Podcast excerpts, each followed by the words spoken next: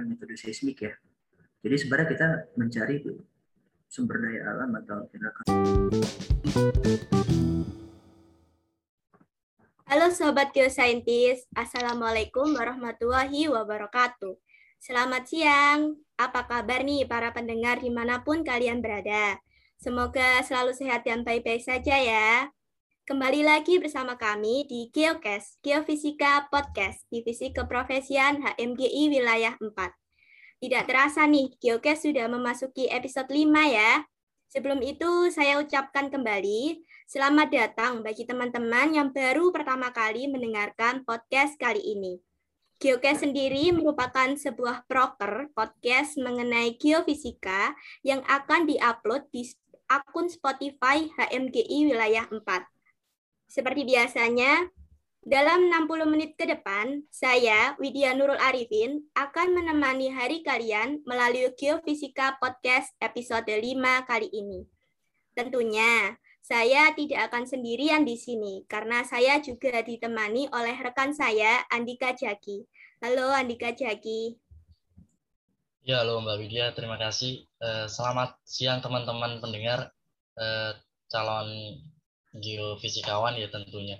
Uh, di sini kembali lagi bersama kita dalam podcast rutinan kita pada episode 5 kali ini tentunya kita akan membahas uh, mengenai working in the field of survey and exploration geophysics. Ya, jadi teman-teman mungkin sudah banyak bertanya-tanya nih ya tentunya terkait dengan pekerjaan survei dan eksplorasi di geofisika itu nantinya seperti apa. Sebelumnya mungkin Eh, saya mau memperkenalkan diri dulu. Perkenalkan ya nama saya Andika Jeki. Saya biasa dipanggil Jeki. Saya merupakan staf dari divisi keprofesian HMGI wilayah 4. Oke, kemudian selain itu ya teman-teman eh, nanti kita juga bakal kedatangan tamu penting nih, tamu kita yang sangat-sangat keren nantinya yang bakal eh, ngasih banyak ilmunya tentunya. Nah, di sini sudah ada bersama kita uh, Mas Mas Adi Mas Diki Mas ya Mas Diki Aulia. Ya Mas Diki Aulia. Uh, dipersilakan. Selamat siang Mas Diki. Bagaimana kabarnya? Selamat siang Andika. Uh, alhamdulillah kabarnya baik. Uh, ya Mas Diki. Uh, terima kasih sudah menyempatkan waktu buat hadir di acara podcast kami di episode 5 ini. Kemudian dari Mas Diki sendiri sekarang Eh, kira-kira lagi sibuk apa ya Mas Diki? Uh, baik, uh, sebelumnya saya juga ingin memperkenalkan diri dulu ya. Andika, Widya, kasih sebelumnya untuk teman-teman yang sudah menyiapkan kegiatan podcast ini dengan baik. Uh, baik, uh, perkenalkan uh, nama saya Diki Aulia. Biasa dipanggil Diki uh, saya lulusan Geofisika Unpad Universitas Pelajaran Angkatan 2015. Sekarang saya sedang bekerja di salah satu K3S uh, nama perusahaannya PT Tema Global Energy yang mengelola uh, salah satu blok yang ada di Aceh. Jadi saya domisilinya sekarang lagi di Aceh. Baik, Mas Diki, terima kasih banyak. Jadi ini uh, merupakan uh, narasumber kita yang benar-benar keren ya teman-teman ya. Bagaimana nih Kak uh, Widya? Jadi uh, Mas Diki ini dia uh, beliau mempunyai sederetan uh, apa ya Pak yang namanya pengalaman gitu ya ya Mbak Widya. Mungkin dari Mbak yeah. Widya nih ada yang uh, ingin disampaikan sepatah dua kata. Iya, untuk kali ini Mas Diki Aulia sendiri tuh didatangkan untuk menginspirasi kita untuk menjawab segala pertanyaan mengenai bekerja di dunia uh, survei dan juga eksplorasi geofisika. Nah, maka dari itu uh, menurut dari tema kali ini Mas Diki, menurut Mas Diki sendiri tema kali ini tuh arti dalamnya itu apa sih Mas Diki? Arti secara umumnya apa itu survei dan juga apa itu eksplorasi geofisika?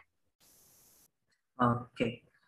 Uh, mungkin dari segi judul atau tema ya, temanya tadi working in the field of survey and exploration geophysics.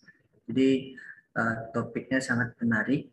Di sini kalau kita membedakan survei dan exploration, survei itu adalah kegiatan kita ya, kegiatan mengeksplorasi suatu uh, kegiatan geofisikawan, entah itu uh, di bidang uh, mining, oil and gas, kemudian geothermal, itu kegiatan eksplorasinya beda-beda dan teknik surveinya juga pun berbeda gitu. Jadi seperti kita ketahui memang geofisika kita menggunakan instrumen ya atau tools untuk menyelidiki bawah permukaan atau istilahnya subsurface gitu.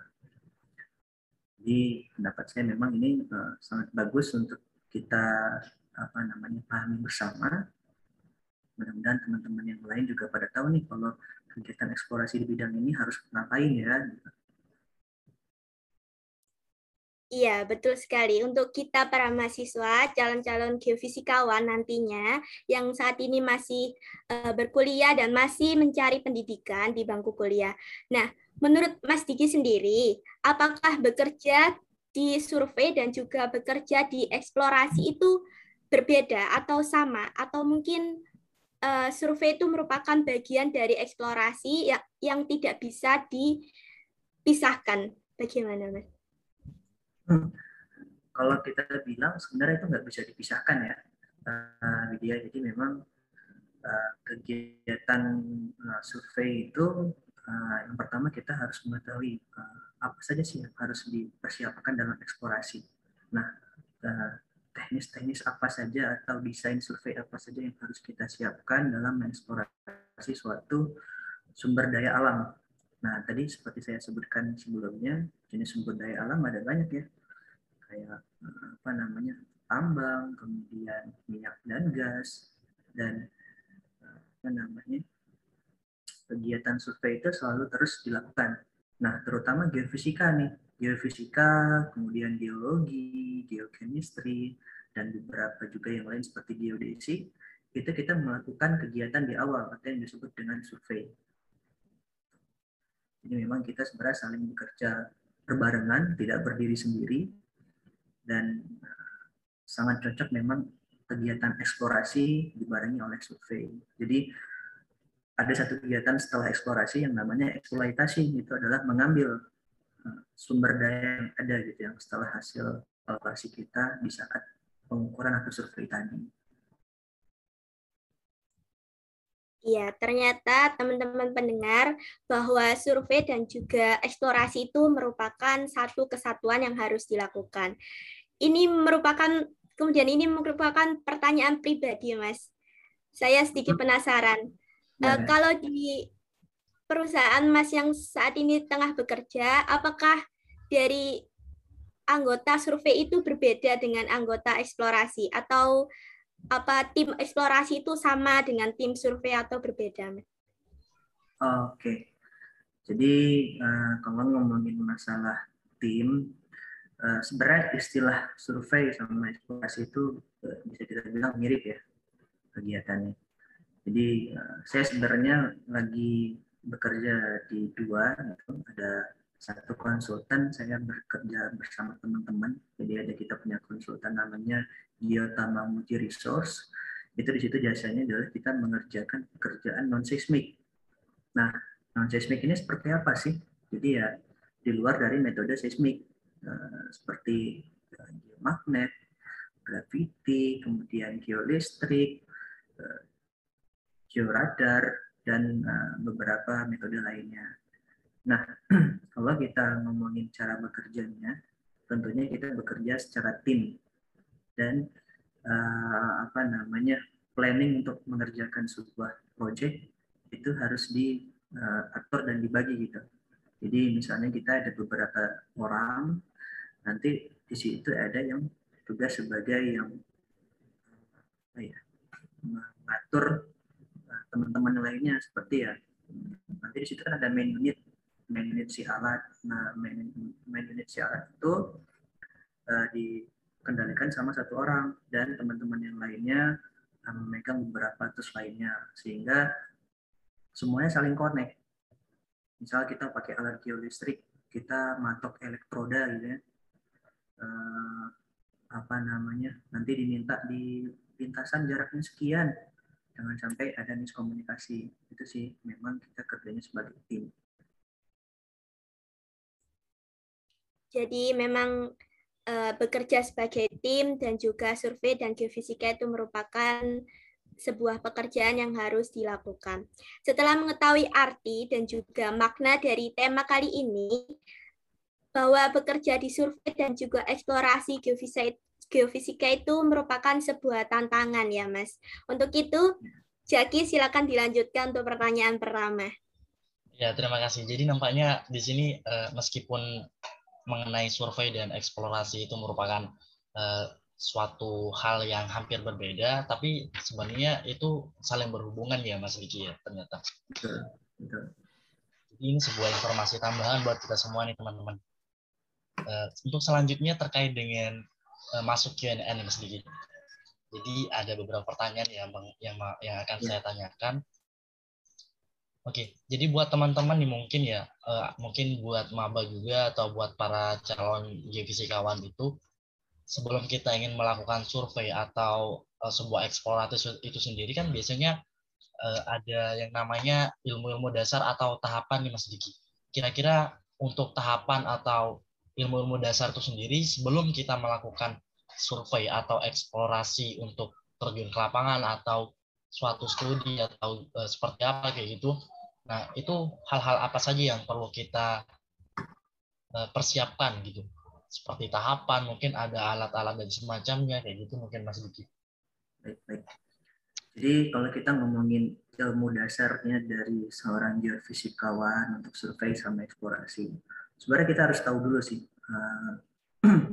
geofisika itu apa gitu kita tuh nggak berdiri sendiri. Jadi kita ada satuan yang namanya geoscience. Geoscience itu dia terbagi empat. Ada geofisika, ada geologi, geodesi, geografi. Ya. Mungkin ada beberapa jabaran lainnya seperti geochemistry. Nah, kalau kita ngomongin lagi eh, terminologi geofisika, itu kan ada ilmu kebumian yang memanfaatkan atau menerapkan prinsip-prinsip fisika Gak cuma fisika, ada matematika, kemudian ada dasar geologi juga, sama beberapa instrumentasi dan komputasi. Nah, apa sih yang kita kaji? Nah, yang kita kaji adalah fenomena dan permasalahan yang berhubungan dengan uh, apa namanya sumber daya alam kita gitu. Nah, ada beberapa juga uh, selain uh, sumber daya alam, kita meneliti masalah-masalah yang ada di lingkungan. Makanya ada geofisika teknik dan lingkungan. Nah, sebutannya mungkin geotech ya. Ini uh, di geofisika sendiri itu sebenarnya kita bisa dijabarkan lagi. Dia ada terbagi empat. Yang pertama kita mengambil hidrologi atau mengambil oceanografi bisa atau meteorologi. Bahkan ada istilahnya geofisika padat. Nah, geofisika padatnya apa? Itu ya memiliki uh, apa namanya bentuk ya kayak tadi sumber daya alam dalam bentuk fluida. Nah, fisika padat ini kita bisa bagikan lagi. Ada ilmu seismologi, vulkanologi, gravitasi, geomagnet, geoelektrik atau geolistrik. Kemudian ada geothermal. Kemudian ada fisika tektonik, geokronologi, sama uh, apa namanya elektromagnetik. Nah, jadi memang uh, tiga sih ya kalau kita bilang dasar untuk geofisika. Yang pertama uh, knowledge tadi fisika, matematikanya, komputasi. Kemudian yang kedua ada instrumentasi. Kita pakai alat apa sih untuk tiap tadi yang saya sebut metode-metodenya ya, gravity, magnetik, geolistrik, sama bagaimana kita menginterpretasi di bawah permukaan. Bentuknya seperti apa sih? Apa yang kita cari? Mungkin dari saya penjelasannya itu eh, terkait ilmu dasar seorang geofisika untuk survei eksplorasi. Mungkin ada tanggapan. Okay. Uh, eh, baik, terima kasih Mas Diki ya. Ternyata uh, di geofisika itu terdapat beberapa beberapa bidang tertentu ya. Jadi uh, seperti yang Mas Diki tadi sudah sebutkan, ada beberapa bidang juga yang disebut dengan geoscience ya kalau tidak salah. Jadi geoscience itu ada yang namanya geofisika, geochemistry dan lain-lain sebagainya. Nah untuk selanjutnya nih uh, Mas Diki ya terkait dengan bidang-bidang itu mungkin ada porsinya masing-masing ya kan Mas Diki. Nah apakah uh, dari bidang-bidang itu dalam uh, dunia pekerjaan atau mungkin di di perusahaan yang sedikit atau di bidangnya Mas Diki itu mempunyai porsinya masing-masing seperti itu. Atau nanti dari mereka itu mempunyai hal-hal yang hal-hal berbeda itu yang harus dikuasai. Mungkin seperti apa gitu peran dari masing-masing bidang itu kalau direalisasikan di dunia pekerjaan? Oke. Okay. uh, eh, sebenarnya uh, untuk porsi kegiatan survei ya atau eksplorasi tadi ya pertanyaannya uh, jadi memang tiap kegiatan ilmu dasar itu dia memang ada porsinya masing-masing contoh uh, apa namanya kalau kita pengen uh, eksplorasi di bidang uh, apa namanya oil and gas ya. Nah itu kita seorang geofisikawan, geofisikawan akan mempelajari beberapa uh, ilmu ya untuk menguasai di bidang ini. Mungkin kalau teman-teman sudah dengar uh, seismologi atau seismik. Nah ini ilmu yang tepat untuk uh, apa namanya ya terjun di survei dan eksplorasi di bidang ini. Kemudian ada juga untuk pertambangan. Pertambangan uh, mungkin seismik agak kesulitan di sini. Umumnya orang akan menggunakan uh, ilmu uh, geomagnet. Jadi memakai uh, apa namanya induksi magnet. Nanti yang dicari adalah susceptibilitas magnetik.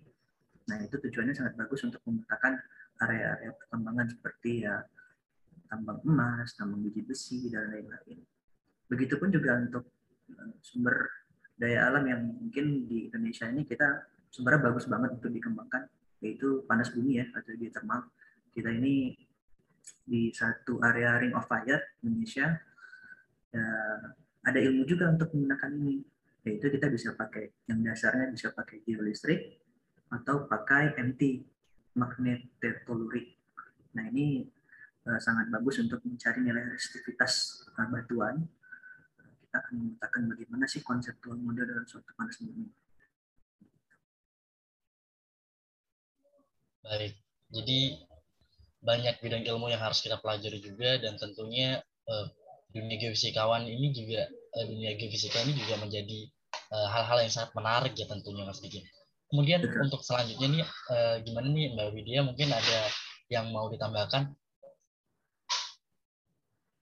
Iya, mungkin kita memang harus fokus untuk belajar di dunia perkuliahan karena nanti ilmunya bisa diterapkan di pekerjaan nanti. Buat pendengar, jangan malas-malasan untuk belajar ya. ya nah, setelah mengetahui, iya betul sekali, apalagi online kan.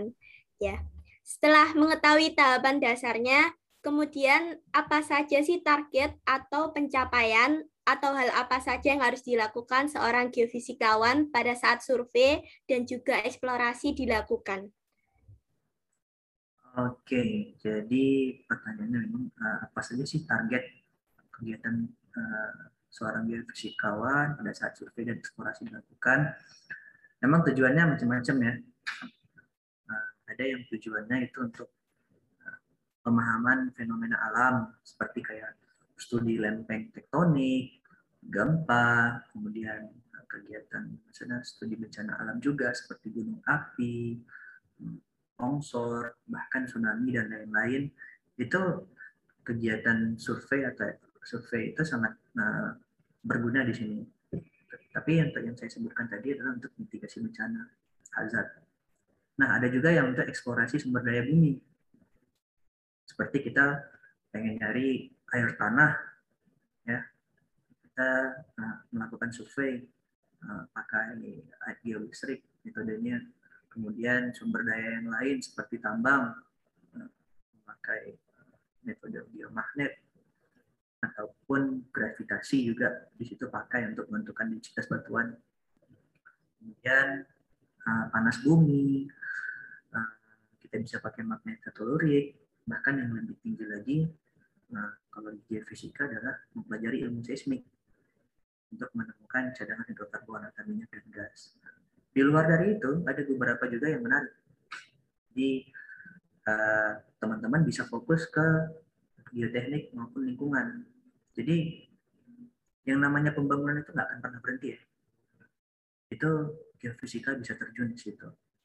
Jadi misalnya di saat ada pembangunan jembatan atau pembangunan sebuah infrastruktur, nah itu kegiatan eksplorasi di laut perlu. Kenapa? Karena nanti saat pembangunan jembatan atau infrastruktur kita harus tahu nih kondisi tanahnya seperti apa, sampai mana sih uh, batuan bedrock itu uh, apa namanya ditemukan. Karena kan kegiatan geoteknik ini kita harus tahu nih uh, berapa kedalaman bedrock sehingga kita bisa memasukkan jam panjangnya ya uh, tujuannya apa? Jangan sampai nanti bangun jembatan bangun gedung nggak cepat runtuh atau kena hujan atau longsor itu sangat diantisipasi lah. Nah untuk bidang lingkungan juga ada. Nah kebetulan memang di di tempat saya di Unpad kita tuh ada geofisika lingkungan. Misalnya kita mempelajari uh, sampel-sampel uh, bulir magnetik. Jadi misalnya dulu tuh ada apa nama daerah tercemar, danau yang tercemar, kita ambil sampel, kita pakai XRD. Pernah dengar XRD sebelumnya? Itu uh, agak sedikit geochemistry juga sih. Kita mengambil sampel, kita melihat bagaimana sih kadar uh, apa namanya polusi yang ada di area tersebut. Gitu. Kemudian ada juga untuk uh, arkeolog. Nah, jadi geofisika itu kita juga bisa menemukan uh, apa namanya ya, barang-barang yang terpendam zaman dahulu gitu. Nah, saya juga ada pernah pengalaman dulu di Surabaya, di Jombang lebih tepatnya. Saya punya pengalaman di sana. Kita menemukan, menemukan petirtaan Jombang. Mungkin teman-teman kalau nanti searching di Google itu ada ada videonya juga dan saya juga terlibat bersama ITS di waktu itu. Kita menemukan suatu mata air menggunakan metode GPR dan geolistrik. Nah, metodenya juga beda ya georadar. Georadar dia prinsipnya kan mengirim transmitter dan ditangkap sama receiver ya menggunakan uh, two-way transfer time. Dan itu langsung kelihatan bentuknya agak agak mirip seismik nanti ada wavelet. Nah, uh, selain dari itu bisa digunakan juga untuk studi-studi awal ya. Misalnya kita pengen tahu geologi regional seperti apa nah itu metode-metode atau ilmu dasar dari fisika sangat diperlukan seperti itulah capaian output dari seorang geofisikawan dalam survei maupun eksplorasi. Jadi memang uh, pencapaian itu sesuai dengan tujuan awalnya ya, Mas? Betul, betul. Jadi setiap ya. geofisika atau metode geofisika punya tujuannya masing-masing. Kemudian apabila ditemukan sesuatu yang lain dan sesuatu yang menyimpang dari tujuan awalnya itu apa tetap dilanjutkan atau diberhentikan atau dilanjutkan dengan tujuan baru itu, Mas? Atau mencari tempat lain hmm. untuk tujuan yang lama? Bagaimana? Sebenarnya kalau kita ngomongin tujuan tujuan survei atau eksplorasi, misal kita kegiatan saya sekarang um, lebih ke oil, oil and gas dan uh, banyak uh, menggunakan metode seismik ya. Jadi sebenarnya kita mencari sumber daya alam atau karbonnya adalah minyak dan gas. Kita harus mencari itu. Kenapa sih? Karena dia punya nilai ekonomis. Ada harganya. Sekarang harga minyak mungkin sekitaran hampir 70 dolar per barel. Nah itu sangat bagus untuk dijual. Mungkin dulu sebelum-sebelumnya harga gas turun gitu ya. Dan itu belum menarik. Sekarang udah menarik kembali. Nah, misalnya di kegiatan uh, uh, gas ditemukan bukan minyak dan gas. Itu bukan menjadi prioritas kita. Jadi ya bisa jadi nah, ditinggalkan atau kita mencari potensi-potensi di lapangan lain di area lain ya. Kalau misalnya di kegiatan pertambangan nah misalnya tujuan awalnya kita ingin mencari hmm, besi gitu. Kemudian di sekitaran besi ternyata kita mendapat uh, mineral lain jadi misalnya kayak kita nemu pirit, asosiasinya pirit, berarti kan ada emas ya. Nah itu lumayan. Kita udah nemu satu mineral, ternyata dapat mineral yang lainnya. Baik lagi output kita untuk eh, apa ya sumber daya gitu adalah nilai ekonomis. Jadi nanti kalau teman-teman sudah lulus dari kuliah, bekerja di bidangnya masing-masing, sebenarnya yang dicari adalah nilai ekonomis dari suatu survei ataupun eksplorasi. Jadi memang bisa ditinggalkan ataupun bisa dengan tujuan awal. Kemudian Betul. ini pertanyaan sedikit melenceng, Mas. Apakah ya. eh, apa yang kita pelajari di perkuliahan itu berapa persen untuk diterapkan di dunia pekerjaan, Mas? Kebetulan oh. saya dari jurusan fisika dan tengah mengambil peminatan geofisika. Oke, okay, baik-baik. Ini sebenarnya kalau kita ngomongin uh, geofisikawan secara umum ya, ada beberapa eh, teman-teman uh, yang uh, di bangku kuliah ada yang dari fisika dulu, kemudian ambil peminatan geofisikanya mungkin di semester berapa? Semester 4 ya? Semester ya. Semester 3 ya, juga tidak bisa. Ya, ya. Ini ada tahun-tahun kedua itu baru ngambil gitu. Tapi ada teman-teman juga yang uh, geofisikanya uh, udah mulai dari tahun pertama. Jadi ada juga geofisika yang teknik jadi ada tiga nih kalau kita jabarkan ada geofisika teknik, geofisika sains, maupun geofisika yang dari fisikanya ya. Nah itu sebenarnya kalau kita ngomongin secara umum ilmu yang kalian pelajarin uh, kurang lebih mirip.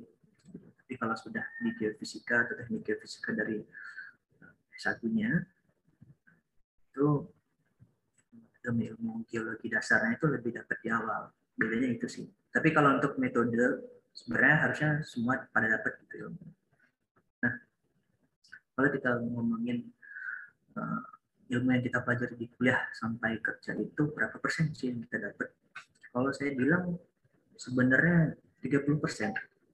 Nah, 70 persennya di mana? Yaitu pengalaman. Nah, kenapa saya nyebutnya 30 persen? Karena metode fisika itu ada banyak ya. Ya mungkin di apa namanya saat uh, tugas akhir kalian membuat metodenya semua gitu naruh. Enggak kan? Output kita cuma satu ya. Biasanya gitu mau ngambil geodesrik mau ngambil gravity tugas akhirnya ataupun seismik gitu ya kan?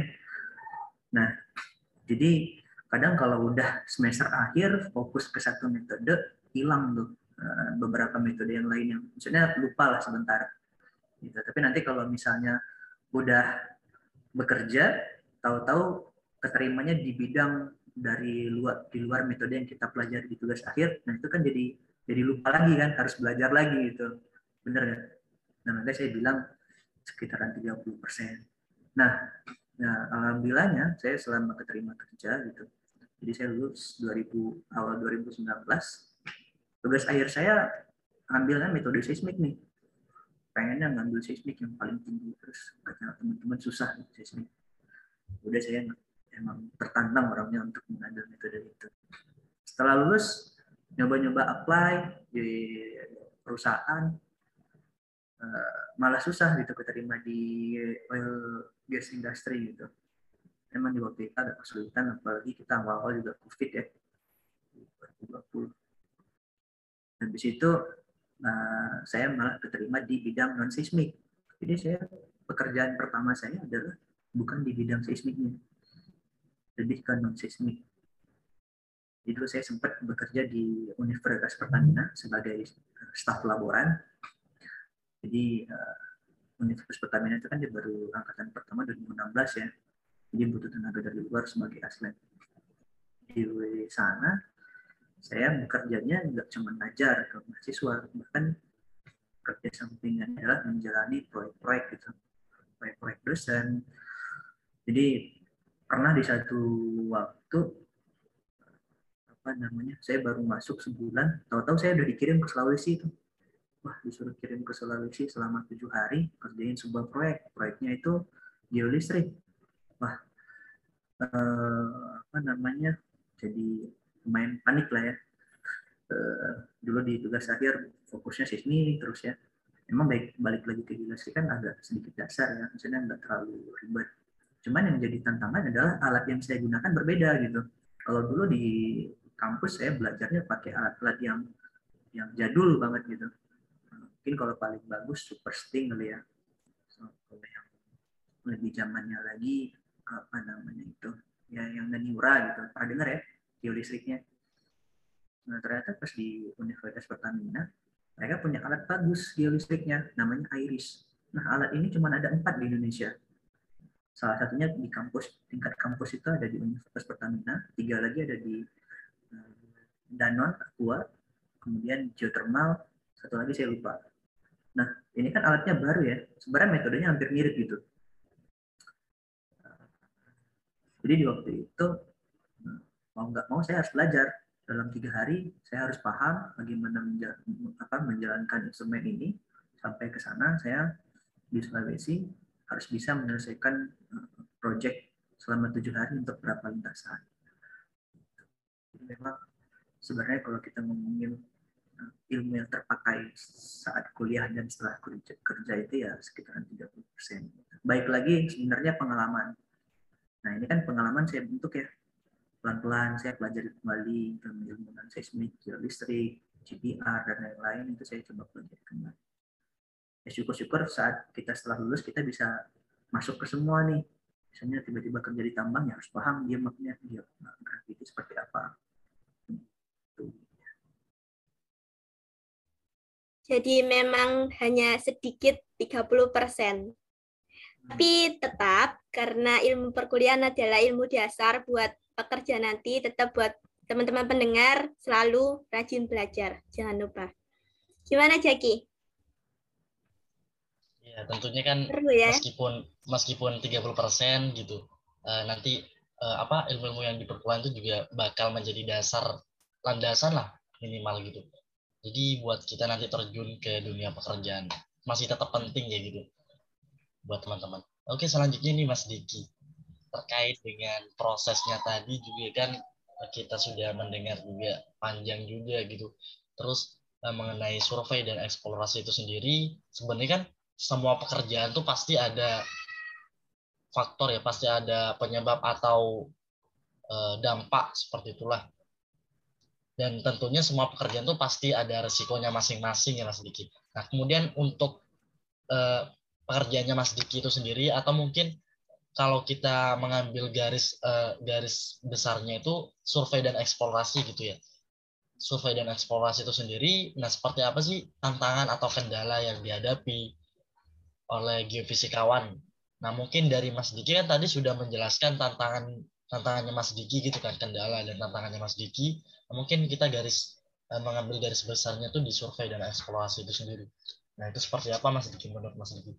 Oke, baik untuk kendala maupun tantangan di saat kegiatan survei dan eksplorasi. Nah, tadi mungkin nah, baik lagi ya ke pernyataan saya sebelumnya, yaitu tadi kita sebenarnya harus siap dan nah, apa namanya fokus lah ya untuk bekerja di bawah tekanan. Tahu-tahu kita baru lulus belajarnya apa ngambilnya biolistrik tiba-tiba dimintanya pas kerja itu kita keterima di perusahaan oil and gas gitu ya. Jadi kita mau nggak mau kita harus ngerti tentang seismik ya. Jadi kita harus cepat apa namanya adaptasi, mempelajari kembali ilmu-ilmu yang kita pelajari selama di bangku kuliah. Nah, di saat survei maupun eksplorasi itu banyak banget nah, kendalanya. Contoh, uh, kegiatan kita kan nggak mungkin ya gampang-gampang uh, banget. Pasti kegiatan kita pasti yang mindsetnya itu di hutan, kemudian harus melewati uh, rawa, jalannya susah gitu ya. Yang, yang paling pertama itu memang lokasi survei. Lokasi survei itu kan jauh dari pemukiman penduduk dan ya kita pengen nyari suatu output gitu kegiatan eksplorasi di sana. Ya mau nggak mau kita harus kuat fisik. Tantangan pertama jangan sampai kita jalan sekitaran 3 kilo, 5 kilo bahkan lebih uh, baru nyampe sana kita udah kelelahan gitu. Jadi fisik, kesehatan itu harus penting pertama. Kemudian medan survei. Medan survei di sana kan maksudnya untuk setiap target ataupun metode geofisika beda-beda ya. Kalau misalnya mau ke uh, apa namanya pergi ke hutan gitu ya, lagi nyari potensi tambang gitu atau geothermal panas bumi itu kan bedanya ya macam-macam ya ada yang curam tiba-tiba turun gitu ya. Dan kita membawa alat loh alat instrumen geofisika kalau kita bilang alat ini harganya nggak murah gitu. jual ginjal pun juga belum belum bisa ganti gitu. Harganya bisa sampai ratusan bahkan miliaran gitu. Sebenarnya ini yang ditekankan. Kita membawa alat yang harganya sangat mahal dan hal itu sensitif. Jangan sampai alat yang kita bawa ke medan survei yang sangat sulit gitu bisa membahayakan alat itu sendiri. Bahkan kalau kasarnya kita bilang kita harus mengorbankan diri sendiri daripada alat gitu. Jadi kalau bisa lebih baik kita jatuh daripada alat yang jatuh gitu ya. Jadi memang membawa instrumen alat geofisika itu harus mengikuti SOP. Jangan sampai asal-asalan ada tekniknya, ada uh, safety-nya gitu. Kita harus membawa tas yang kuat gitu kan. Untuk setiap alat kan beda-beda. Kemudian uh, di saat kita uh, melakukan survei itu banyak banget kendalanya. Misal nah, tadi ya topografinya tidak datar gitu, naik turun. Nah itu sangat mempengaruhi dalam pengukuran.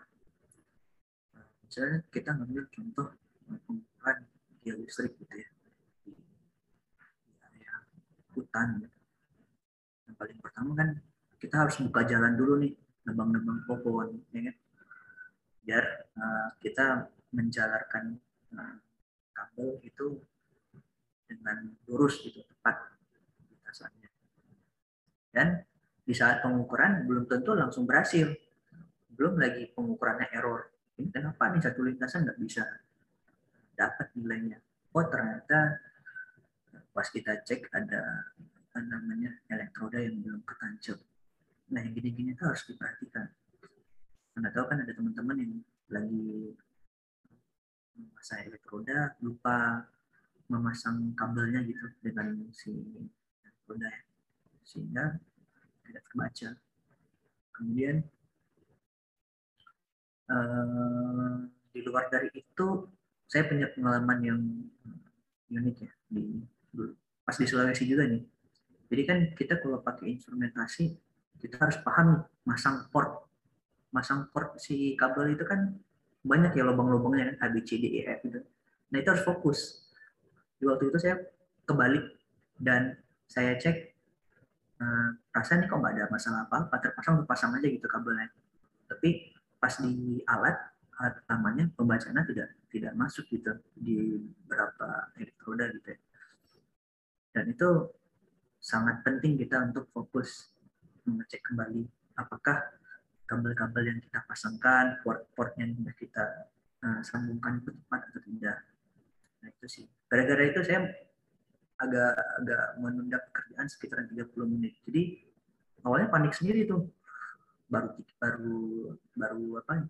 Baru keterima jadi asisten lab, disuruh pergi ke Sulawesi, terus disuruh bawa alat yang sama sekali ini belum pernah saya pakai gitu di di kuliah ya tapi alhamdulillahnya saya coba tenang gitu kan. Saya coba di situ ada teman-teman juga rekan rekan teman saya juga. Dan dia langsung paham oh ini ada yang kurang. Nah itu sih kita gunanya kerja tim dan kita harus teliti sama time management sih tantangannya kita kan menjalani sebuah project itu kan diberikan waktu misalnya coba selesaikan ini dalam waktu tujuh hari atau 10 hari berapa lintasan yang bisa kita kejar di situ sehingga data yang kita ambil cukup dan uh, dapat diinterpretasikan dengan baik. Nah, jangan sampai nanti klien kita uh, merasa kecewa dengan pekerjaan kita. Tahu-tahu kita mas, dikasih waktu 10 hari cuma bisa dapat di lintasan. Wah, seru banget gitu.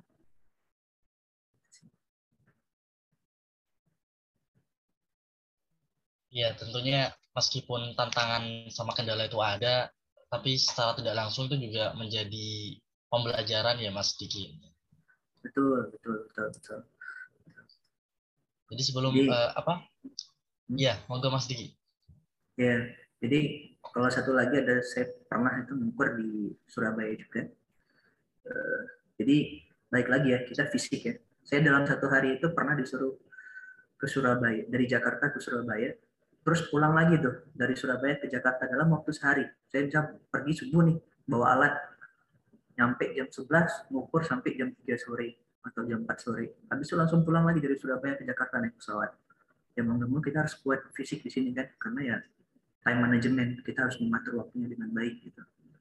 Jangan sampai pekerjaan ini diminta harus keluar dalam sehari, pas sampai di lapangan kita nggak bisa menyelesaikannya gitu sih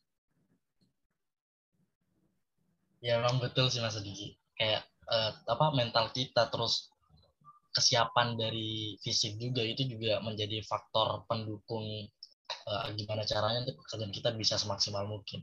Terus uh, tadi dari ceritanya Mas Diki juga uh, pada saat mencoba alat yang baru tuh ya itu benar-benar tantangan sekaligus uh, apa ya kayak uh, istilahnya menantang diri kita sendiri buat gimana caranya biar kita dapat menyelesaikan problem itu gitu. Ya kita harus mempelajari belajar belajar lagi gitu terkait dengan gimana sih pengoperasian alat yang baru ini kayak gimana gitu. Kemudian teknisnya nanti kayak gimana gitu. Dan tadi juga Mas Diki kayak uh, pada saat ke lapangan juga uh, ketika ingin melindungi apa istilahnya menjaga alat gitu kan karena harga alatnya juga gak so, gak semurah yang kita bayangkan gitu kan jadi kita juga perlu ngejaga alatnya juga pada saat kita di jalan gitu mungkin nanti ada apa gitu. Jadi kita harus jaga alatnya biar aman-aman aja gitu. Dan itu tantangannya sih Mas Diki ya. Iya, betul banget. Ya, uh, mungkin uh, teman saya nih, uh, Mbak Widya, ada yang ingin disampaikan nggak terkait dengan uh, kendala atau tantangan? Memang, memang sesuai dengan geofisika. Sejatinya anak geofisika itu kan kerjanya di lapangan. Kemudian Mas Diki ada ada pertanyaan yang ingin saya tanyakan. Untuk kerja begitu itu satu tim biasanya terdiri dari berapa orang? Apakah ada oh. ceweknya atau enggak ada? Oke. Jadi uh, kalau kita bekerja ya di kegiatan survei atau eksplorasi, kebanyakan kan saya penjelasannya di lapangan ya karena beda dengan cerita kalau kita kerja di office gitu. Kantoran cuma nerima data processing interpretasi gitu. nah kalau di lapangan kita melakukan survei ataupun eksplorasi uh, manpower atau orang-orang untuk tiap uh, metode itu beda-beda.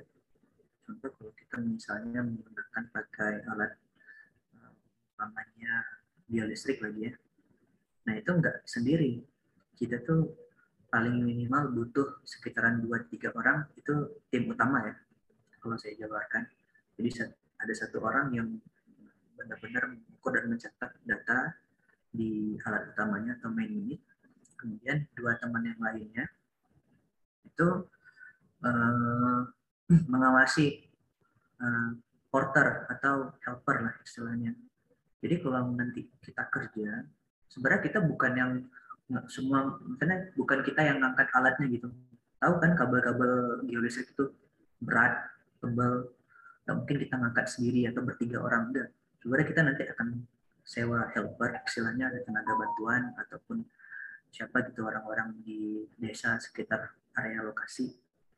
Nah itu kita akan eh, apa namanya ya ngajak mereka untuk bantu kegiatan proyek ini gitu. Nah nanti dicari orang-orang yang kuat yang punya apa namanya fisik dan tubuh yang kuat mereka akan mengangkat nih. Jadi kita sebenarnya cuma jalan paling nah kita bawa alat utama aja sih. Yang lainnya pada pada angkat-angkat kabel pada angkat elektroda yang sangat berat itu berapa kilo gitu ya. Jadi eh, kalau kita bilang helper itu mungkin butuh sekitaran 8 8 orang yang apa yang bagian angkat-angkat semua alat-alat berat di geolistrik butuh 8 orang. Nah 8 ini nanti akan dibagi empat empat. Nah kalau kita menggunakan pakai alat dialisis kan biasanya alat di tengah ya. Nah nanti ada yang di kiri, ada yang di kanan. Nah empat orang itu akan cepat mematok si elektroda, kemudian membentangkan tabel. Nah teman kita yang tiga orang utama tadi itu, duanya lagi akan mengawasi apakah uh, apa ya pemasangan kabel dan elektrodanya tepat atau tidak. Jadi itu tuh sangat penting dan kalau untuk cewek sendiri ya sebenarnya fleksibel sih mau cewek maupun cowok. Saya menganggapnya sama gitu. Yang penting fisiknya kita sama-sama kuat. Biasanya kalau cewek itu lebih ke asistensi yang mencatat berapa sih nilainya gitu berapa angkanya. Jadi sebenarnya kalau saya bilang sama aja sebenarnya. Cuman tabiatnya kalau orang-orang kita kan cewek pengennya kerjanya di kantoran gitu udah capek enak ke lapangan gitu yang namanya cowok ya harus banyak fisik gitu tapi nggak menutup kemungkinan kok memang dibolehkan eh, apa namanya cewek bisa bekerja di lapangan. Jadi memang cukup banyak orang dengan job desk masing-masing ya, Mas? Betul, betul. Kemudian tadi saya pernah deng tadi dengar kalau Masnya pernah ke Surabaya buat mengukur. Hmm. Nah, Surabaya itu kan padat penduduk ya, Mas. Nah, apakah Iya. waktu melakukan pengukuran itu ada penolakan dari warganya sendiri atau semua warga itu menerima, Mas? Oke. Nah, eh, menarik nih pertanyaannya. Jadi memang dalam setiap kegiatan survei maupun eksplorasi, yang paling pertama adalah kita harus tepat eh, menyelesaikan kegiatan humasnya ya, hubungan masyarakat. Jadi nanti ada tim yang akan eh, mensosialisasikan kegiatan kita di suatu eh, area project tersebut. Biasanya akan izin dulu, izin ke petinggi setempat, entah siapa ya, kepala camat, kepala lurah atau yang paling tinggi izin sampai kabupatennya gitu ya, siapa Nah itu izin itu harus diselesaikan segera. Nah di saat izin udah selesai, baru pekerjaan kita masuk. Jadi nggak semena-mena kita masuk ke dalam suatu area eh, orang tanpa minta izin dulu. Apalagi kita membawa instansi nama perusahaan atau pekerjaan gitu kan. Sangat penting. Beda dengan mahasiswa, kalau mahasiswa kan ke lapangan kita membawa universitas gitu. Kalau universitas kan pasti cepat diterima oleh masyarakat. Beda kalau dengan apa ya perusahaan ya kita bekerja gitu ya. Nanti belum lagi kita bawa alat dan kita bawa mobil tiba-tiba lalu lalang dan warga ini nggak tahu "Eh, siapa nih tiba-tiba masuk ke dalam kampung saya? Gitu kan. Bawa alat kira mau mau ngapain gitu menaruh bom gitu. Ya kan dikira alat-alat graffiti magnetik kayak kayak bom takut kan mereka. Nah, jadi itu sih paling penting dan saya punya pengalaman juga tuh. Dulu saya pernah pengukuran di rumah ya. Nah, di apa namanya di daerah eh, Jawa Tengah. Itu saya eh, apa namanya katanya udah diizinin gitu udah minta izin segala macam sama daerah setempat. Pas nyampe sana saya dipalakin. Saya ditodong. Jadi dikira saya ngapain gitu kan. Terus ujungnya dia minta duit. Nah untung mukanya agak preman gitu. Memang kelihatan preman banget. Dan dia sendiri. Saya di situ berdua gitu. dan kita coba apa namanya eh, apa namanya menjawab pertanyaan dia dengan baik. Nah dia kan nggak tahu saya orang mas preman atau apa ya ujung-ujungnya dia minta duit eh, ya kita kasih gitu untuk duit dia makan siang sama rokok gitu kan. Ya itu sih sebenarnya tantangannya. Eh, karena kan kita di lapangan jalan-jalan-jalan tahu-tahu di sawah orang ketemu orang yang kita tuh nggak kenal gitu kan. Nanti dikira apa kan kita paling ngerinya tahu-tahu kalau ada orang yang berniat jahat dia bawa senjata tajam itu sangat berbahaya untuk.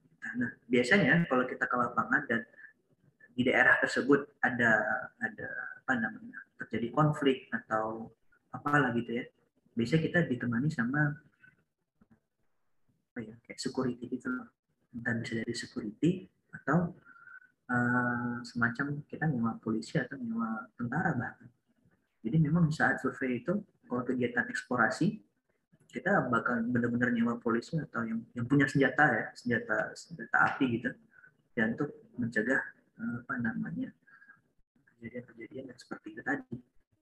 Nah, saya punya teman dia pergi apa namanya kegiatan pengukuran di Kalimantan itu ada sedikit rusuh ya kegiatan di sana gitu. Gitu kalau nggak salah. Dan itu benar-benar dikawal sama dua dua tentara gitu.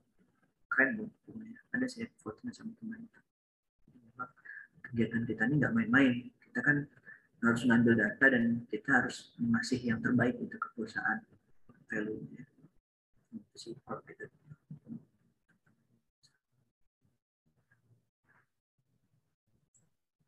Jadi memang banyak tantangannya untuk bekerja di bidang geofisika ini.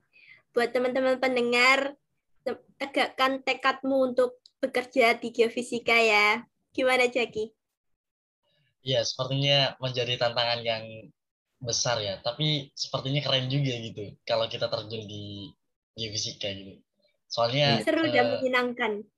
Iya, makanya itu.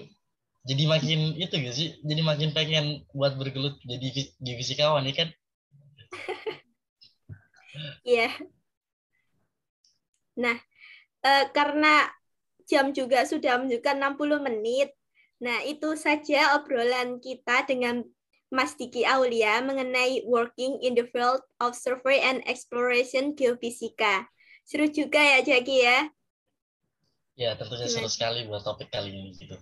Uh, kemudian terkait dengan topik itu sendiri kan uh, ada beberapa hal yang sudah kita simpulkan nih dari obrolan kita tadi gitu. Dari uh, yang pertama ada adanya kendala gitu kan. Ternyata kendala itu bisa saja dari luar atau dari dalam itu sendiri gitu kan. Kayak hmm. uh, uh, alat-alatnya itu yang kita pelajari dulu pada saat di dunia perkuliahan itu juga berbeda pada saat ketika kita terjun ke lapangan karena adanya pembaruan-pembaruan tadi gitu. Kita dituntut untuk paham uh, secara teknis maupun uh, secara ilmunya juga gimana caranya kita uh, pengelolaan pengelolaan dan menggunakan alat-alat tadi itu meskipun itu alat-alat terbaru juga kita harus paham maksimal gitu kan. Harus benar-benar paham teknisnya kayak gimana. Kemudian kayak tadi juga ilmu-ilmu geofisika itu ternyata tidak berdiri sendiri ada banyak.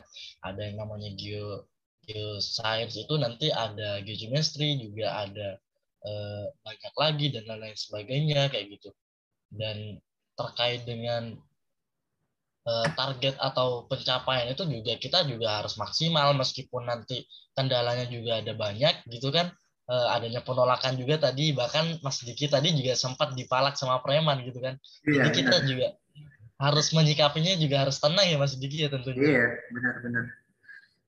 Jangan kabur kan, nanti alat kan bahaya juga. Iya, makanya itu.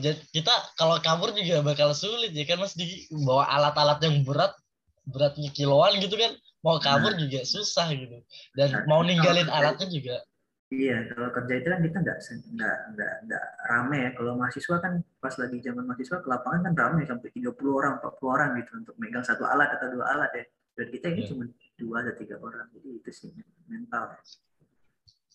Dan butuh apa ya istilahnya semacam tanggung jawab juga gitu buat menjaga alatnya karena seperti yang kita tahu harga alatnya juga tidak murah gitu. Iya. Yeah. Bahkan bisa dibilang tadi katanya Mas Diki juga uh, semacam lebih berharga dari nyawa kita sendiri seperti itu. Betul. Uh, ya mungkin cukup sekian ya teman-teman kawan uh, untuk podcast kita pada episode 5 kali ini. Oh ya untuk teman-teman sekalian uh, jangan lupa untuk memfollow akun media sosial kami di uh, Instagram ya tentunya. Uh, kemudian untuk selanjutnya mungkin sebelum itu dari Mas Diki sendiri ada yang ingin disampaikan untuk teman-teman pendengar atau uh, untuk calon geofisikawan yang nantinya yang bakal terjun di bidang yang sedang masih digeluti saat ini. Oke, okay. Baik. Uh, mungkin kalau saran dari saya, sebenarnya uh, namanya kita sebagai geofisikawan dengan berpikir sinis gitu, dengan nanti setelah lulus mau menjadi apa ya, fokus ke mana ya gitu. Mau bekerja di bidang apa gitu. Terutama yang tertarik di bidang survei maupun eksplorasi.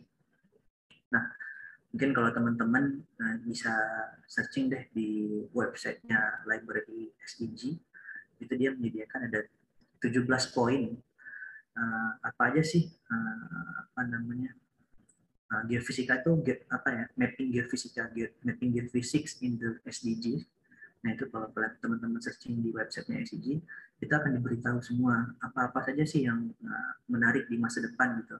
Dari dari tahun sekarang ya 2021 sampai 10 tahun ke depan atau 20 tahun ke depan apa saja sih yang uh, apa namanya interest di bidang geofisika? Apa aja yang masih berkembang? Apakah uh, oil industry masih menarik? Apakah kegiatan pertambangan masih menarik? Atau kegiatan lingkungan ataupun renewable energy. Nah, misalnya kita menggunakan energi yang seperti panas bumi, kemudian energi wind energy dan macam-macam. Nah, itu sangat bagus untuk kalian baca dan di situ dijelaskan juga metode apa apa saja sih yang nah, bisa dibuatkan di situ. Bahkan yang saya baca dia ada di bidang medical. Nah bingung kan alat geofisika di bidang medical gitu kan bisa terjun sana mungkin. Nah kita nggak tahu ya masa depan itu kan berkembang terus. Kita seorang geofisikawan dituntut dengan selain ilmu fisikanya kita harus paham tentang tools gitu ya. Jadi memang kita ngomong fisika ini masih sangat berkembang bahkan kalau di apa di zamannya sekarang sebutannya industri 4.0 ya. Industri 4.0 kalian harus dituntut paham minimal paham tentang coding gitu komputasi. Nah itu sekarang lagi tren. Kalau kalian sering main link LinkedIn ada beberapa teman atau profesional dia akan uh, menjelaskan uh, coding untuk membuat suatu software atau membuat suatu simulasi dan itu sangat menarik gitu. dan jika kalian pintar misalnya coding sharing aja di LinkedIn atau apa gitu hasil-hasil pengerjaan interpretasi kalian di situ suatu apa ya uh, platform untuk uh, menunjukkan diri kalian show off diri kalian jadi nanti setelah kalian lulus ternyata banyak orang yang tertarik dengan kalian langsung mengajak bergabung di perusahaan atau instansi tertentu ya. Nah makanya mungkin kalau teman-teman sekarang masih sering main Instagram ya sekarang banyak yang main LinkedIn lah gitu. Jadi pas lulus teman-teman bisa langsung dapat nih arahnya ke mana gitu. Baik terima kasih atas uh, pesannya Mas Diki Aulia. Kemudian buat teman-teman juga mungkin saya rasa sudah cukup bincang-bincang pada uh, episode kali ini ya saya selaku MC dan teman saya juga selaku MC mengucapkan banyak-banyak terima kasih buat narasumber kita tentunya Mas Diki Aulia dan buat uh, para pendengar tentunya. Nah, mungkin dari saya cukup sekian. Saya selaku MC dan teman saya juga mohon undur diri. Lebih dan kurangnya kami mohon maaf kepada Mas Diki juga. Kami mohon maaf jika ada salah-salah kata. Uh, cukup sekian uh, podcast pada episode 5 kali ini. Lebih dan kurangnya mohon maaf dan Assalamualaikum warahmatullahi wabarakatuh. Selamat siang teman-teman. Selamat siang. Terima kasih ya Lydia, Dika, sama teman-teman yang lainnya. Terima kasih. Mas